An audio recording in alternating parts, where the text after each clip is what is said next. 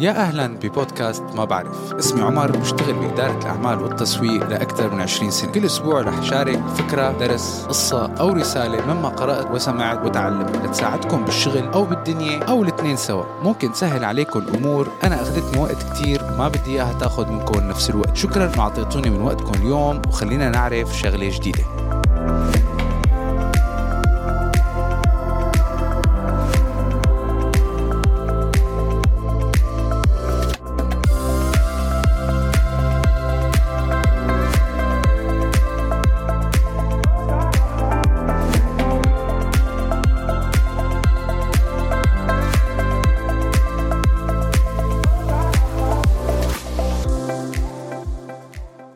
الجملة الشهيرة بين كل الموظفين لما بدهم يحكوا عن مديرهم.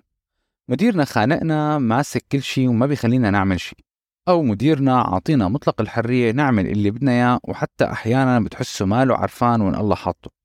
الحالتين غلط والحالتين بيعتبروا وصفة ممتازة للمشاكل والكوارث بجو العمل. المدير المتزن هو المدير اللي بيعطي الفريق تبعه مجال للحركة والتصرف وتحمل المسؤولية ولكن بنفس الوقت بيكون ماسك بزمام الأمور بأسلوب أنه عنده المقدرة يوصل الفريق تبعه للنجاح وتحقيق الأهداف المطلوبة. اليوم رح نحكي عن ست طرق كيف فينا نحصل على هذا التوازن بحيث ما نخنق الفريق وبنفس الوقت الخطط والأهداف تكون تحت السيطرة. أول شيء الاستقلالية.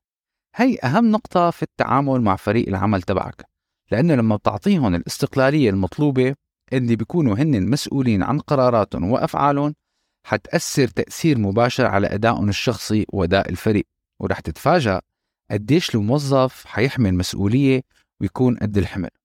وهي المشكلة كتير بواجهها الناس اللي بيشتغلوا بشركات صغيرة وخاصة لما بيكون صاحب الشغل كمان هو المدير.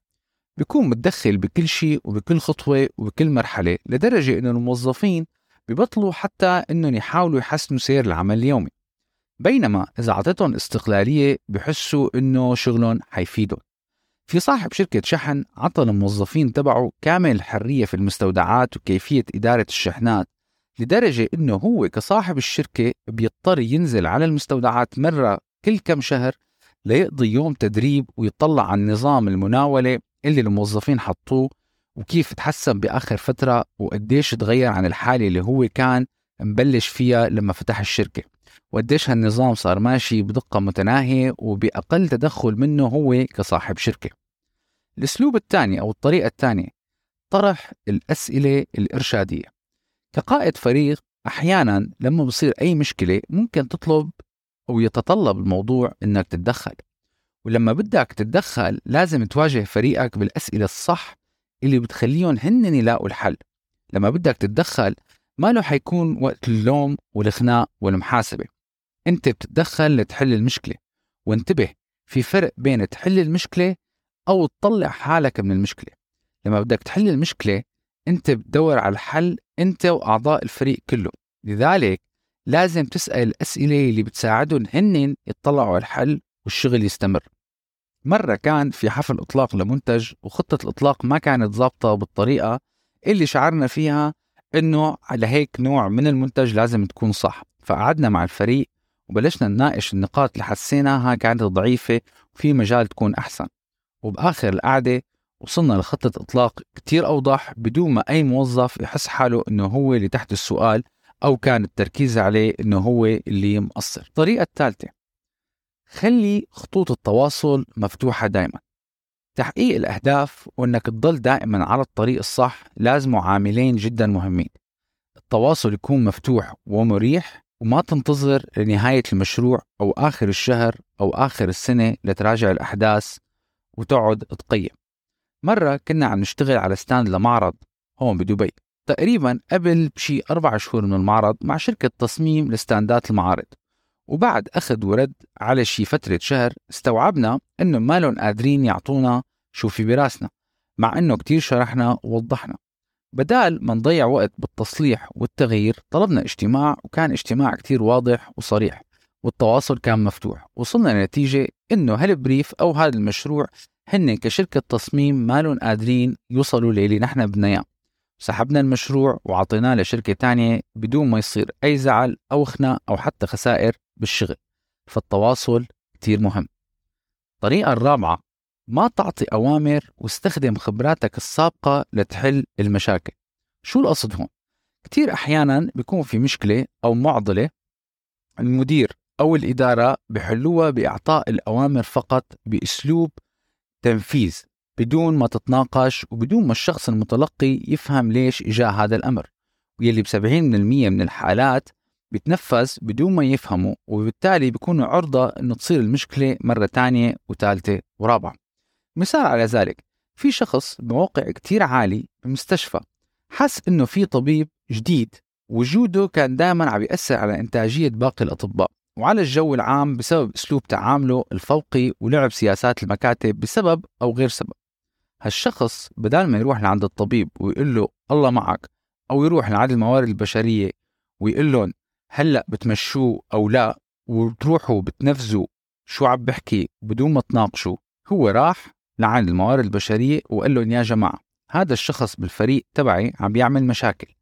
ومرقنا بهالوضع بشغل القديم والإدارة ما صلحت الوضع وخسرنا كتير موظفين بسبب هذا الموظف. لذلك ما بدي إياه إنه هذا يصير معنا نفس الشيء مرة تانية. فحاولوا احكوا معه يغير تصرفاته أو مشوه بس لازم نحل هالمشكلة خلال 45 يوم. بهالطريقة أنت أعطيت أمر كمدير ولكن شرحت السبب. والتبعات في حال هذا الشيء ما تطبق وشو الخسائر اللي حتترتب بالمستقبل؟ فالمتلقي واللي بده ينفذ الأمر هلأ صار عرفان شو صار وليش عم يعمل هالشيء ومشان شو؟ الطريقة الخامسة كون جاهز لتفوت بنقاشات صعبة. كتير مدراء بيفكروا إذا تجنبوا المشاكل أو الحوارات والأحاديث المعينة مع الموظفين إنه هيك هن عم يبعدوا عن المشاكل والأمور كلها تحت السيطرة. ولكن هذا الشيء غلط. أيام لازم تكون جاهز تفوت بنقاشات ونقاشات حادة جدا كمان. فهذا الوضع ما في منه مفر. أنت ممكن تفكر حالك وصلت لطريق مسدود بس بالحقيقة ممكن يكون الحل ببساطة إنك تقعد وتفوت بحوار صريح وواضح لتحط النقاط على الحروف مثل ما بيقولوا. بدك تطلع عليها من هالزاوية. لازم تفهم وجهة نظر الطرف الثاني. توضح وجهة نظرك وتلاقي نقاط التلاقي للوجهتين لتلاقي الحل. من سنة كان في معنا موظف مستواه نزل بشكل غريب وغير قابل للتعديل. مشاريع تخربطت تواريخ صارت عم تنتسى وحسابات غلط. استمر الوضع شي شهرين مع التنبيه المستمر. ودائما الوعود إنه ما عاد تنعاد لحد ما صار اجتماع إنه شو عم بصير معك. بالأخير طلع الشخص مارق بظروف مع عيلته وما عم يقدر يركز وبنفس الوقت مضطر للشغل. والنتيجة بعد الحديث إنه قدر ياخد إجازة بدون راتب لثلاث شهور وإنه شغله يضل ويحل مشاكله بالبيت وبعدين يرجع. طبعا رجع أحسن من قبل. فالحديث بصراحة بفيد كتير أكتر من اللف والدوران وبيقضيها العالم عم تاخد وتعطي على بعض بدون ما يفهموا شو القصة. خلص في شي عم بيصير. مو عاجبك؟ طلب اجتماع حضر كل الوراق على الطاولة ولاقي الحل. الأسلوب السادس دائما لازم يكون عندك خطة وإطار للتدخل. الأخطاء دائما موجودة ومتوقعة وما في فريق ما بيعمل أخطاء. أصلا فريق بدون أخطاء معناته في شيء مو طبيعي ولكن خطأ عن خطأ بيفرق. يعني في أخطاء ممكن تصير وبنترك لموظف يتعلم من الخطأ ويكمل ويصلحه ولكن أيام في أخطاء صعب تمرق. وحتى أصلا لازم تنتبه لأنه أصلا صعب تصير فما بتصل أنت لمرحلة أنه الخطأ يصير. لأنه ساعتها المخاطرة بتكون كتير كبيرة فقبل ما تتدخل لحل أي خطأ مع الفريق تبعك لازم تسأل حالك ثلاث أسئلة هل هذا الخطأ فيه تأثير مباشر على استراتيجية ورؤية وقيمة الشركة؟ هل ممكن تودينا بطريق ما منه رجعة أو ممكن يكون مكلف لتصليح الأمور؟ هل ممكن هالخطأ الاستراتيجي إنه يأثر على تنافسية الشركة وممكن يعطي فرصة للمنافسة؟ إذا الجواب لا لواحد من الأسئلة الثلاثة فمعناتها الخطأ مسموح وممكن التعلم منه وممكن ينعطى الموظف فرصة إنه يتدارك الأخطاء ويتعلم.